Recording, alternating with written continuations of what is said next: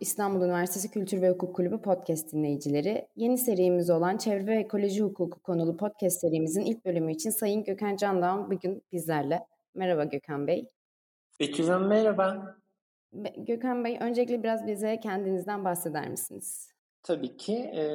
1994 yılında Ankara Üniversitesi Hukuk Fakültesinden mezun oldum. Bir yıl stajdan sonra 95 Ekim'den bu yana fiilen avukatlık yapıyorum. Meslek hayatımın e, önemli kısmında idari yargı, e, idare hukukuyla uğraştım. Bu çerçevede e, çevre STK'larıyla çalışma şansımız oldu uzunca bir süre. E, işte Greenpeace'te çalıştık, çalışıyoruz. Üç yıllık bir süre içinde yaklaşık olarak Gebarolar Birliği Çevre ve Kent Hukuk Komisyonu'nun başkanlığını yaptım. Yakın zamanda sona erdi görev süremiz. Ee, bu şekilde 26-27 yıldır avukatlık yapıyorum. Bunun da önemli bir kısmında çevre sorunlarıyla e, ilgilenme şansımız oldu. Peki Gökhan Bey, Türkiye'de çevre hukuku denilince akla gelen isimlerden birisiniz. Peki çevre hukukçusu olmak ne demektir ve bu alanda çalışmanı isteyen arkadaşlarınıza nasıl tavsiyeler verirsiniz? Çevre hukukçusu olmak bence bir anlamda e, geleceğin hukukçusu olmak gibi bir şey. Belki çok fazla anlam yüklüyorum ama e, son dönemde gerek ülkemizde gerekse dünyada yaşanan gelişmeler bütün temel meselelerin, bütün temel politikaların, bütün temel uluslararası görüşmelerin, anlaşmaların, müzakerelerin hep çevre hukuku, çevre hakkı üzerinden yürüdüğünü bize gösterdi. Tabii ki bu durduk yerde ortaya çıkan bir gelişme değil.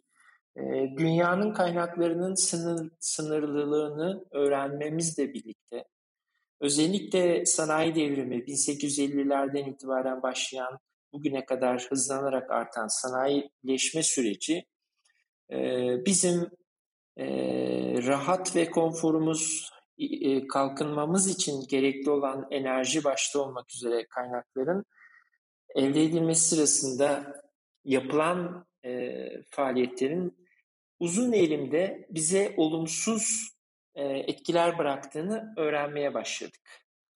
E, ne oldu? İşte 1980'lerde e, ozon tabakası delinmişti. E, ilk defa karşılaşılan bir şeydi ve tamamıyla sanayi devriminin sonucu olan bir etkiydi. Ne e, çok iyi bir şekilde en başarılı uluslararası hukuk e, çözümlerinden birisi oldu. Hızlı müdahale oldu ve bugün ozon tabakası aradan geçen 30 yılın ardından eski e, e, varlığına dönmüş durumda. E, bu bir başlangıçtı. Arkasından özellikle e, giderek artan bir iklim değişikliği tartışması ortaya çıktı. E, ve atmosferde biriken sera gazlarının dünyanın e, iklimini ısıttığı, sıcaklığı arttırdığı ve bu sıcaklık artışının da kelebek etkisi şeklinde bütün süreçleri etkilediğini öğrendik. Ve bu çerçevede 1992 yılından bu yana Uluslararası Hukuk Birleşmiş Milletler Meclisi'nde e, ortaya çıkan bir e, iklim e, müzakereli süreci e, oldu. Ve haliyle bugün geldiğimiz noktada e, çevre sorunlarıyla ilgilenmek, çevre hukukçusu olmak çok büyük bir anlam ifade etmeye başladı. Çünkü e, oldukça yeni bir çalışma alanı, e, kalkınma gibi bütün insan uygarlığının temelinde yatan kavramla e, dengede ve, ve çoğu zaman da çelişkide olan bir e, kavramdan bahsediyoruz. O yüzden e, hiçbir çevre meselesi, hiçbir çevre sorunu basit olarak tanımlanamaz. Karmaşıktır, çok fazla aktörü, çok fazla konuyu bir arada etkiler ve özünde insanların davranışlarının, isteklerinin sınırlandırılmasını içerdiği için esasında da pek çok insanın kolaylıkla kabul edebileceği çözümler önermez. Bu haliyle e, çevre hukukçusu demek teknik anlamda baktığınızda işte müvekkillerine e, çevre e, konusunu oluşturan e, konularda işte temiz teknoloji, su hukuku, iklim değişikliği hukuku, arazilerin yönetimi konularda hukuki danışmanlık hizmeti veren, bildiğimiz anlamda avukatlık hizmetleri sunan e, bir hukukçu gibi algılanabilir. Ama öte yandan uluslararası hukuk anlamında da mutlaka e, bilgi sahibi olunması gereken bir alandır. Dolayısıyla çevre hukukçusu e, disiplinler arası çalışma yükümlülüğü bulunan, gelişmeleri sıkı bir şekilde takip etmesi gereken iki temel fonksiyon üzerinde çalış, çalışan hukukçudur benim için. Bir tanesi danışma görevidir. Çevre hukukçuluğunun önemli bir kısmı danışma görevidir esasında. Çünkü e, her sorunla karşılaştığımızda yeni bir düzenleme ihtiyacı ortaya çıkıyor ve o düzenlemenin farklı çıkar gruplarının, toplumun farklı kesimlerini temsil eden e, grupların e, müzakeresiyle ortaya çıktığını düşündüğümüzde e, oldukça karmaşıklaşan bir yapısı olduğunu söyleyebilirim. Ama bir çevre hukukçusu özellikle danışma noktasında, düzenleme noktasında çok ciddi çaba ve emek harcamalı. İkinci olarak da daha bizim bilinen anlamda karşımıza çıkan çevre savunuculuğu çerçevesinde de yargı süreçleri kullanmak ve dava tasarımları yapmaktır. Ee, özünde çevre hukukçusu olmak bu anlama geliyor. Çok farklı alanlarla bilgi sahibi olan, bağlantılı düşünebilen, e, maddi gerçeği arayıp bilimsel gelişmeleri takip edip yeri geldiğinde önemli bir dava sürecinde farklı uzmanlıklardan insanlardan oluşan bir ekiple birlikte çalışma becerisi olan ve o ekibin ürettiği bilgiyi hukuken anlaşılabilir hale yazılı ve sözlü olarak sokan bir hukukçudur bence çevre hukukçusu. Çevre hukukçusu demek de bütün bunların hepsiyle e, baş edebilme becerisine sahip olmak anlamına geliyor. Bu anlamda da bence e, geleceğin en temel hukuk alanlarından bir tanesi olduğunu rahatlıkla söyleyebilirim. Tamam, teşekkür ederiz Gökhan Bey. Öncelikle ben şu sıralar her ne kadar gündemimizde olamasa da birkaç ay öncesine kadar gündemimizde olan Paris İklim Anlaşması hakkında konuşmak istiyorum sizinle. Öncelikle Paris İklim Anlaşması tam olarak nedir ve anlaşma neler içermektedir? Paris İklim Anlaşması e, uluslararası çevre hukuku açısından köşe taşlarından birisidir. E, Birleşmiş Milletler bünyesinde 1992 yılında imzalanan e, ve e, işte yeter sayıya ulaştıktan sonra 21 Mart 1994 tarihinde yürürlüğe giren Birleşmiş Milletler İklim Değişikliği Çerçeve Sözleşmesi var.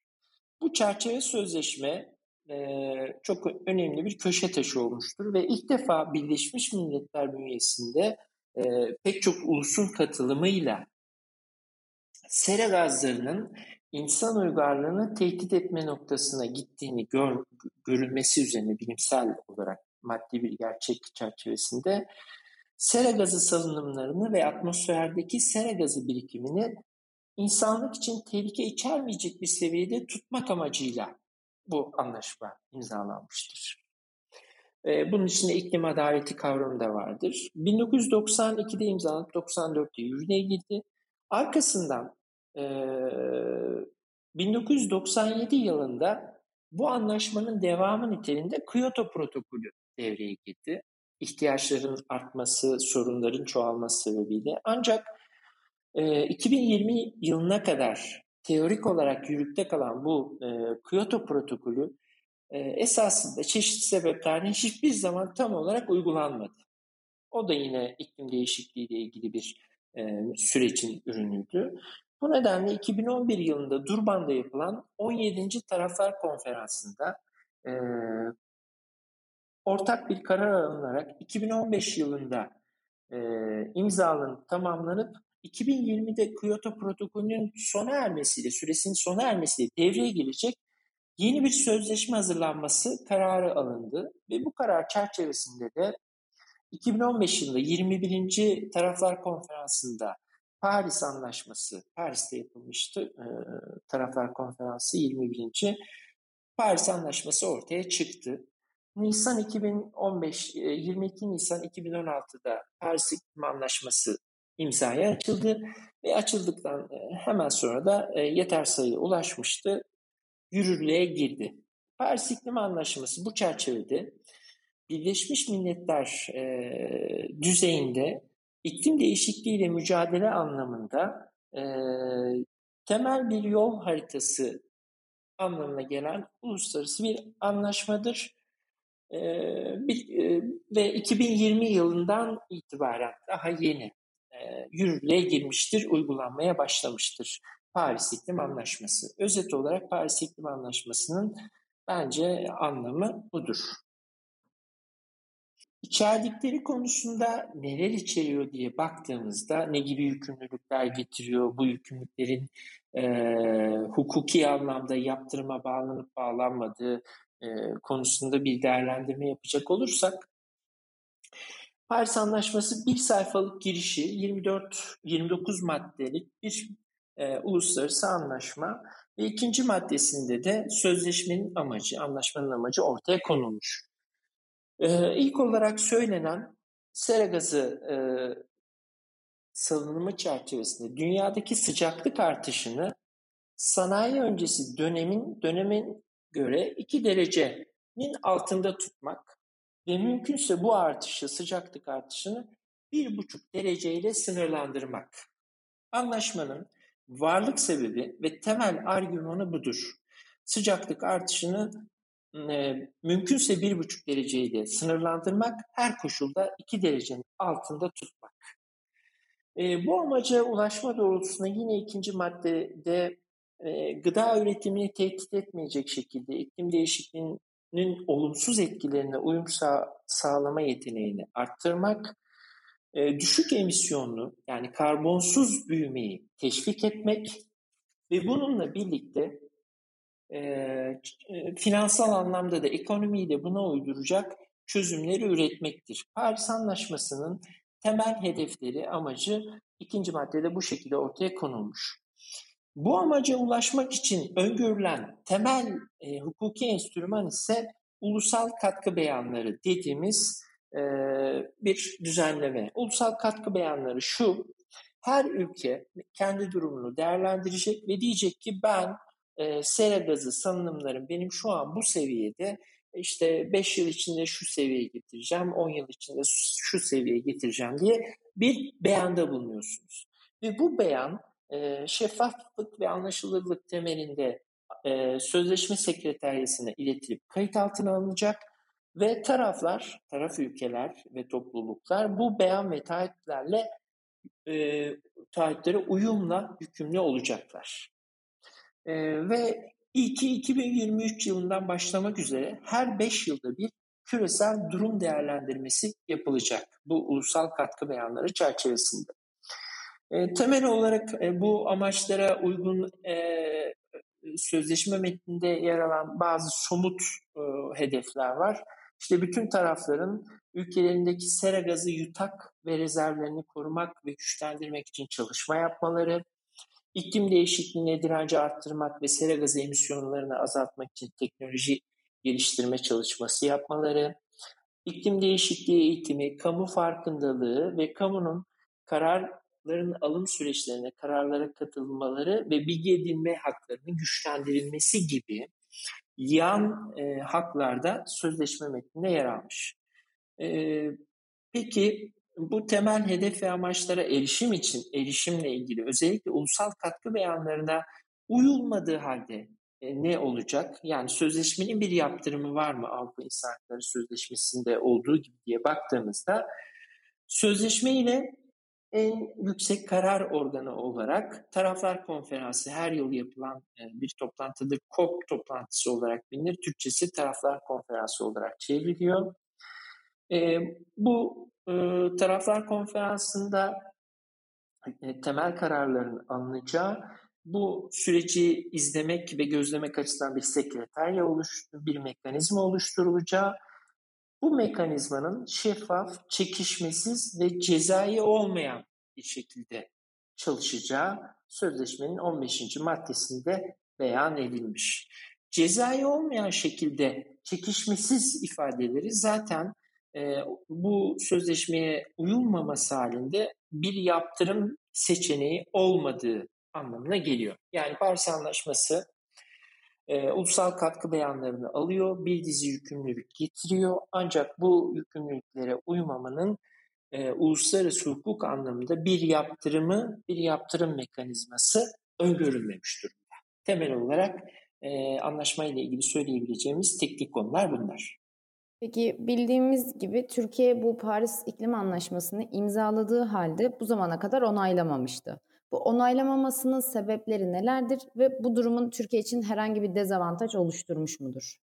Güzel bir soru, çok önemli. Bundan sonra yapacaklarımızı şekillendirmek açısından bunu da çok ciddi bir şekilde konuşmamız lazım. Türkiye sözleşmeyi 22 Nisan 2016'da imzaya açıldığı gün imzaladı esasında. Ancak onaylama süreci gecikti. 2021 yılında gerçekleşti. Ee, neden? Bu konuda çok tartışmalar da oldu. Türkiye'nin iklim baş müzakerecisi ve aynı zamanda çevre şehircilik ve Paris Anlaşması'nın imzalanmasından sonra eklenen ibareyle İklim Değişikliği Bakanlığı Bakan Yardımcısı Mehmet Emin Birpınar e, e, var.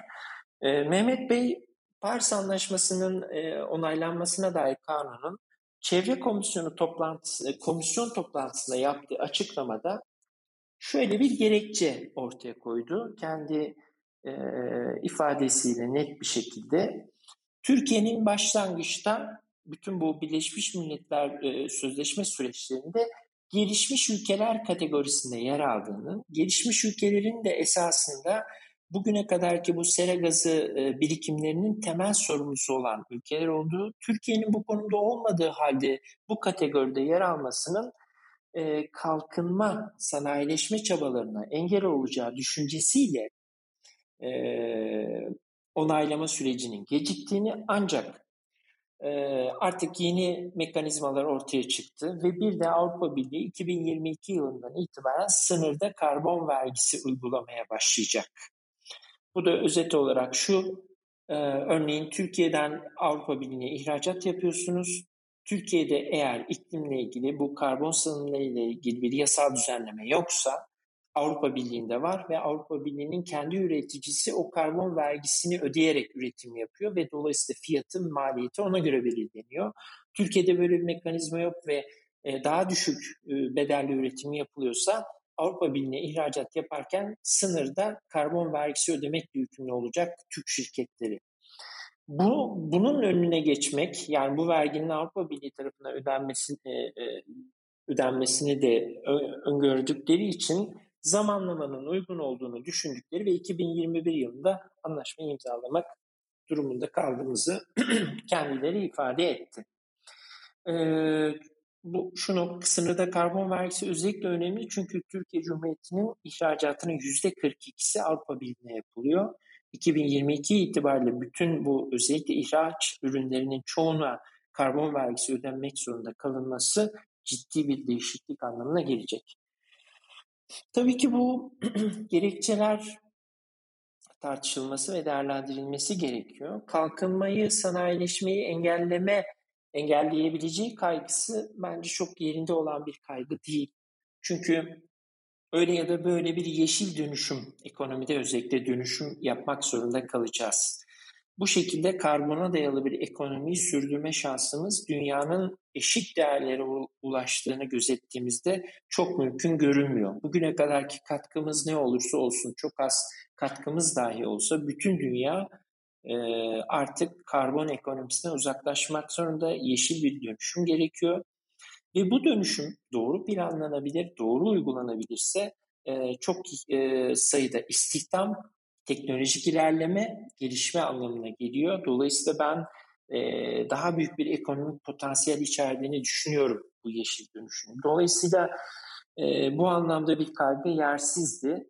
Ancak gelinen nokta itibariyle özellikle sözleşmenin 2016'da e, e, imzalar tamamlanıp yürürlüğe girmiş olmakla birlikte fiilen uygulamaya geçmesinin 2020 olduğunu düşündüğümüzde çok da bir kaybımız olmadığını, çok da gecikmiş olmadığımızı, bundan sonra atılacak hızlı adımlarla Türkiye'nin e, bu süreci iyi yönetebileceğini düşünüyorum. Burada bir noktayı özellikle vurgulamak isterim. iklim adaleti kavramıyla da çok ilgili. E, gelişmiş ülkelerin atmosferdeki sera gazı birikiminden e, katkıları gerçekten çok yüksek. Tarihsel olarak baktığınızda 1850'lerden itibaren baktığınızda e, bugüne kadarki birikimlerin yarısından fazlası doğrudan zaten Avrupa Birliği ile Amerika'ya ait birikimler. Son dönemde Asya'da Çin ve Hindistan'ın çok ciddi katkıları var ama e, dünyanın geri kalanının gerçekten o anlamda ciddi bir katkısı yok. O yüzden e, bütün uluslararası çevre müzakerelerinde e, sanayileşmiş ülkelerle gelişmekte olan ülkeler arasında ciddi bir tartışma konusudur bu. Gelişmiş ülkelerde ki herkes eşit yükümlülüklere tabi olsun. Biz de uyalım, siz de uyun. Gelişmekte olan ülkelerse siz bugüne kadar düşüncesizce karbon ekonomisi uyguladınız. Sera gazı birikiminin çoğu size ait. Biz yeni kalkınmaya başladık. Bizim önümüze bunu bir engel olarak çıkartmayın. Ve siz daha fazla sorumluluk almak zorundasınız e, diyorlar. Ve bu nedenle e, gelişmekte olan ülkelerde merkez ülkelerden, gelişmiş ülkelerden, AB'den ya da Avrupa Birliği'nden gelen e, bu tür çevresel kaygı mesajları çok samimi bulunmuyor. Görünen o. İşte bu noktada Türkiye gibi ülkelerin devreye daha etkin bir şekilde girmesi diğer ülkeler nezdinde çok daha güçlü bir karşılık bulacaktır diye düşünüyorum. Ki Paris Anlaşması'nın imzalanmasından bu yana geçen yakın sürede bile e, Türkiye'nin devlet düzeyinde yaptığı açıklamalar bu konuda öne alınacağını bir liderlik e, rolü bile e, ortaya çıkabileceğini gösteriyor. Umuyorum da o şekilde gelişir. Peki o zaman devam ediyoruz. Teşekkür ederiz cevaplarınız için. Paris İklim Anlaşması devletlerin sorumluluk hissetmeksizin uyguladığı çevre politikalarını regüle ederek çevreye verilen zararı azaltabilir mi? Çok güzel. Azaltabilir elbette. Ee, nasıl biz bu hale getirdiysek e, tam tersi bir süreçte devreye sokabiliriz. Ancak çevre sorunlarında şöyle farklı bir durum var. Ee, bizde genel bir eğilim vardır. Hani devletler yapsın, etsin. E, e, sorumluluğu devlete bırakıyoruz.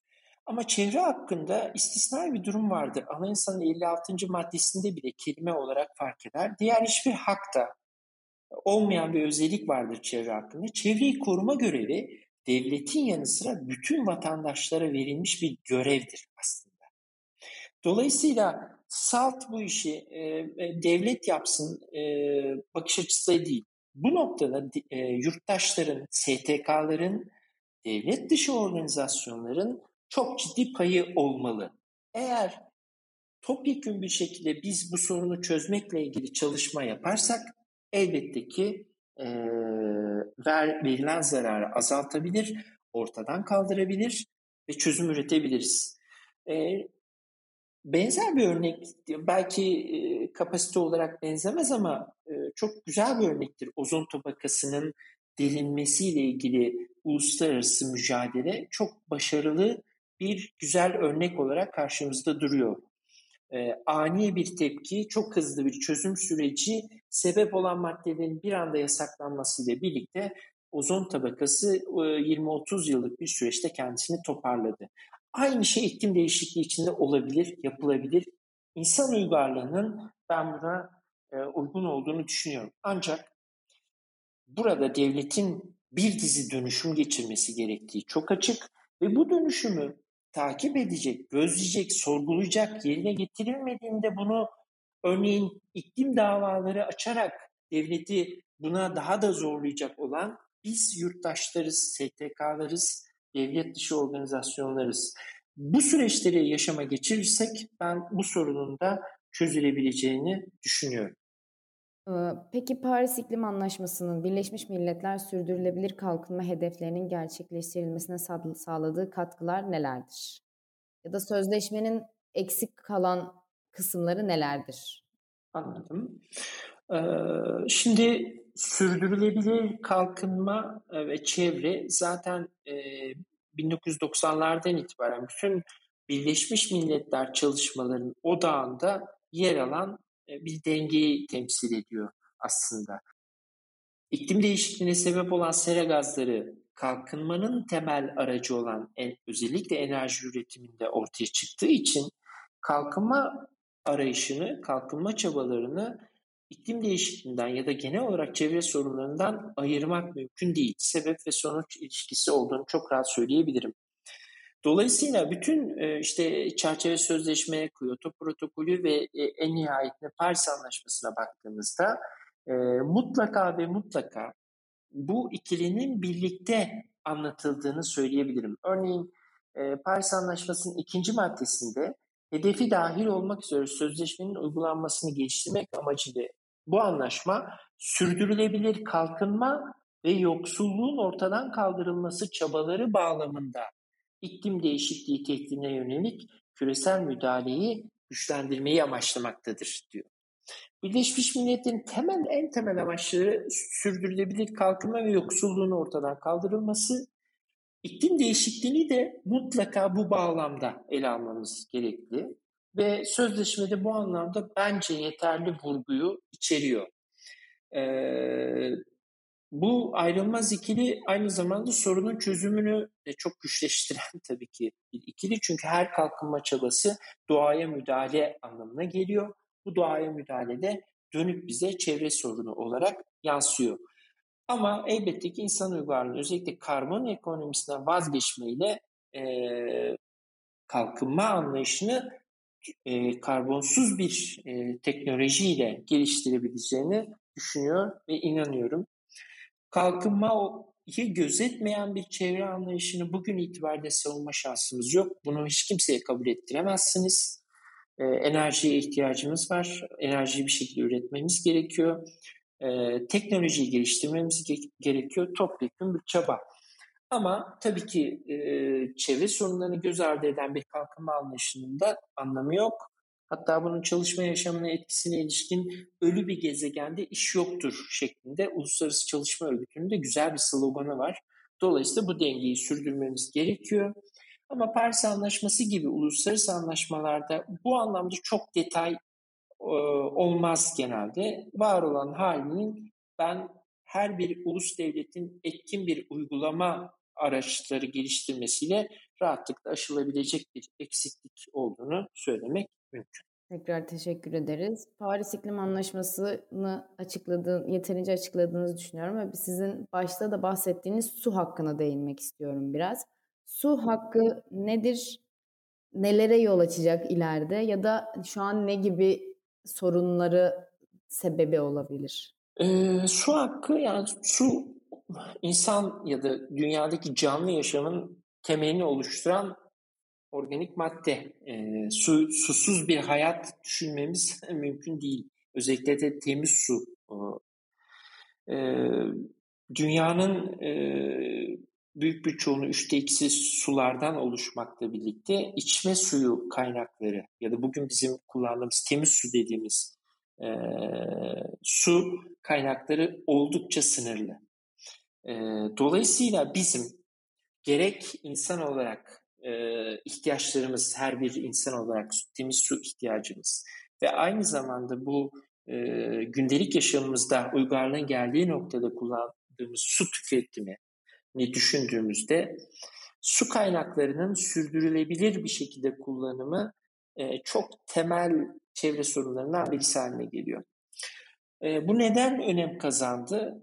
Kaynaklar sınırlı ve bizim e, insan uygarlığının faaliyetleri sebebiyle bu sınırlı kaynaklar çok ciddi bir kirlilikle karşı karşıya şu anda. Örneğin bir e, yerde altın madeni arıyorsunuz. O altın madeninin arayan, aranması sırasında bazı uygulanan yöntemler e, sebebiyle sizin orası, o bölge ve yakın bölgedeki temiz su kaynaklarını çok uzun bir süre için kullanılamaz hale getirecek şekilde kirletmeniz mümkün. Ee, bunun pek çok örneği vardır. Amerika'da bu tür konularda belli bir hassasiyet var. Bizde de giderek artan bir hassasiyettir bu. Örneğin kimyasal üretim yapan bir fabrika e, var. Bu fabrikanın atıkları var. Bu fabrikanın atıklarını siz gelişi güzel bir şekilde doğaya bırakırsanız veya uygun olmayan yöntemlerle bertaraf etmeye kalkarsanız e, bunlar e, toprağın altından e, aşağıdaki su kaynaklarına erişiyor ve o su kaynaklarını uzun bir süre kullanılamaz hale getiriyor. E zaten kıt bir kaynaktan bahsediyoruz. Bunun bir de bu şekilde e, kirletilmesi söz konusu olduğunda bizim e, temiz su hakkının ne kadar önemli olduğu bir kez daha ortaya çıkmış oluyor. Bugün öyle bir noktaya geldi ki dünyada pek çok e, büyük nehir artık denizlere, okyanuslara ulaşamama riskiyle karşı karşıya. Dünya ekosistemini, dünya gezegenini kapalı bir ekosistem olarak düşündüğümüzde bir atmosfer döngüsü, bir su döngüsü var. E, işte e, su nehirlerden denizlere e, gidiyor. Denizlerden buharlaşma yoluyla yukarı bulutlara çıkıyor. Sonra yağmur olarak tekrar aşağı dönüyor. Bunun bir döngüsü var.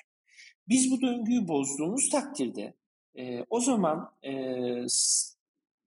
ihtiyaç duyduğumuz kullanmak kullanmamız gereken gerek insan için gerek uygarlığın devamı için kullanmamız gereken temiz suyu bulamama e, riski çok ciddi bir şekilde artıyor.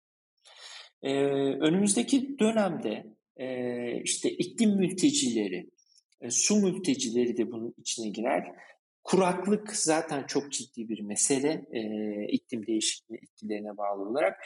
Bütün bunların hepsi bizim e, kullandığımız temiz suyun ne kadar önemli ve değerli olduğunu ortaya koyuyor. Şehirlerde örneğin e, çok ciddi bir su yönetim politikasının olması gerekir yerel yönetimlerin. Çünkü biz şu anda Türkiye'de e, ne yazık ki bu anlamda çok kötü noktadayız. E, biz tekrar tekrar kullanımı mümkün olan bazı evsel su atıklarını e, kirli bir şekilde e, doğaya salıyoruz.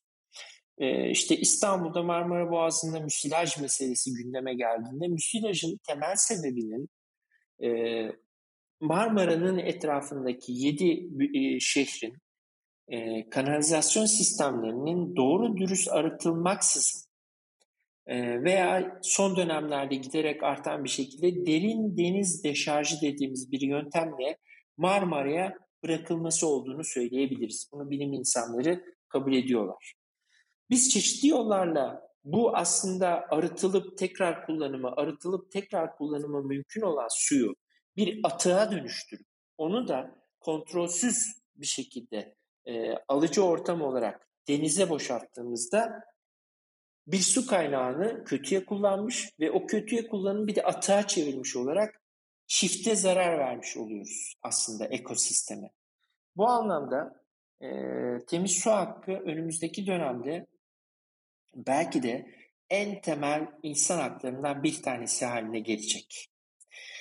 E, nefes almadan yaşayamayız. Temiz hava hakkı bunun karşılığıdır. Su içmeden yaşayamayız. E, temiz su hakkı da bunun karşılığıdır. Ve bunlar artık e, böyle kitaplardaki teorik haklar olmaktan çıkmış. Bugün itibariyle somut e, talep edilmesi gereken haklara dönüşmüştür. Bu anlamda e, temiz su hakkının e, önümüzdeki dönemde çok daha fazla gündeme geleceğini temiz hava hakkıyla birlikte e, rahatlıkla söylemek mümkün. Teşekkürler. Bence yeterince çok hani verimli ve yeterince açıklayıcı bir podcast oldu. Umuyorum öyle olmuştur. Ben e, şöyle bu çevre komisyonu çalışmaları sırasında biz çok fazla sayıda eğitim yaptık, yayınlar yapmaya çalıştık. Genç arkadaşlarımızı, genç hukuk öğrencilerini özellikle daha hukuk fakültesinden itibaren e, çevre hukuku çalışma noktasında değerlendirme yapmaya davet ediyorum. Çünkü e, bu alanda ne yapılırsa bir karşılığı var. Çevre hukukçusu bugün bizdeki kamuoyundaki görüntünün aksine sadece işte e, çevre sonuculuğu yapıp işte e, çeşitli faaliyetlere dava açan aktivistleşmiş avukatlar, hukukçular değil. Bence çevre hukukçusu çevre mevzuatının e, çevre mevzuatını bilen ve somut sorunlarımıza e, dair düzenlemeleri oluşturabilen, bu konudaki sorunları çözme yeteneğine sahip e, hukukçular olduklarında yerel yönetimlerde, merkezi yönetimlerde, şirketlerde, STK'larda, yerel, uluslararası pek çok farklı alanda kendilerine istihdam olanağı elde edebilecekler. Çok fazla anlamda ben e, önümüzdeki süreçte çevre hukuku bilen, çevre mevzuatını bilen, çevre sorunlarının çözümlerine dair düzenlemeleri tasarlayabilen hukukçulara ihtiyaç olacağını düşünüyorum. Ve bu bir anlamda bizim bir insan olarak e, dünyaya karşı sorumluluğumuz, dünyadaki canlı yaşama dair sorumluluğumuz çerçevesinde en altında idealist olarak da takip edebileceğimiz ama bunu yaparken de aynı zamanda mesleğimizi keyif alarak yerine getirebileceğimiz bir çalışma alanı olacak. Bu anlamda ben genç arkadaşlarımızı e, bu alanla ilgili çalışma yapma konusunda en azından bir düşünmeye, bir değerlendirmeye davet ediyorum. Karşılıksız kalmayacaktır bu alandaki çalışmalar.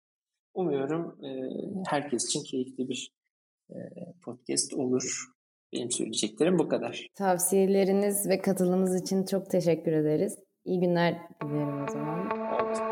Görüşmek üzere.